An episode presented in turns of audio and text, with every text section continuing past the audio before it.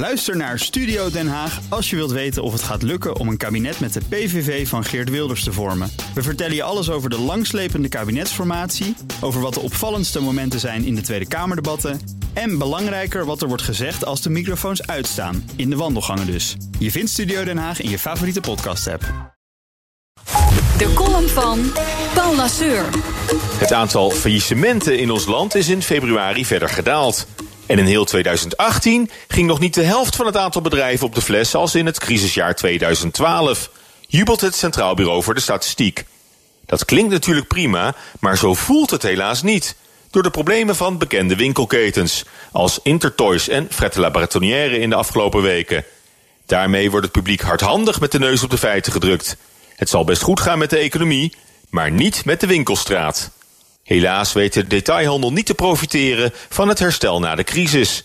De felle concurrentie van webshops en prijsvechters uit China doet ze één voor één de das om. De vrijvallende locaties worden steeds vaker ingenomen door lunchrooms en koffiebarretjes, waar eerst nog een modezaak of een schoenenwinkel zat. Na V&D, Kijkshop en al die andere is het wachten alleen nog op het moment dat Blokker eindelijk omvalt. Want alles went, zelfs een faillissement. Helemaal omdat faillissement al lang niet meer het einde hoeft te betekenen van een onderneming, maar juist een nieuw begin. Voor populaire winkelformules is er immers altijd nog de doorstart. In afgeslankte vorm en met een nieuwe eigenaar en strategie krijgt het bedrijf een tweede kans.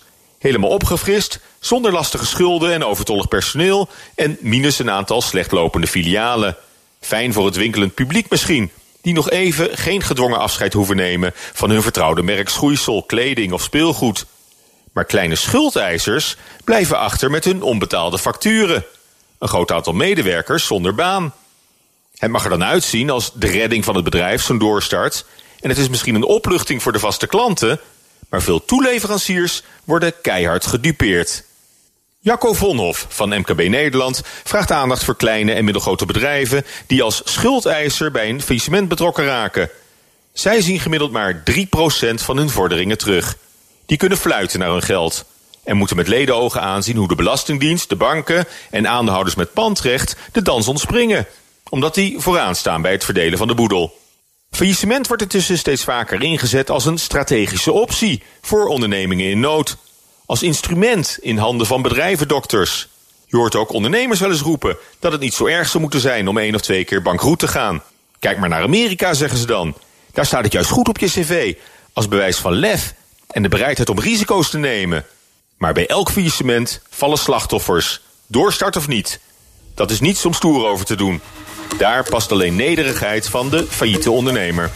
Prettige maandag. De column van Paul Lasseur is natuurlijk terug te vinden online op bnr.nl... en in de BNR-app vind je meer columns en podcasts. Ook Hugo Reitsma vind je in de BNR-app. Superhandig die BNR-app. Je kunt alle programma's live luisteren, breaking nieuwsmeldingen... je blijft op de hoogte van het laatste zakelijke nieuws... en je vindt er alle BNR-podcasts, waaronder natuurlijk de belangrijkste... Boeken zijn in de wijk. Download nu de gratis BNR-app en blijf scherp.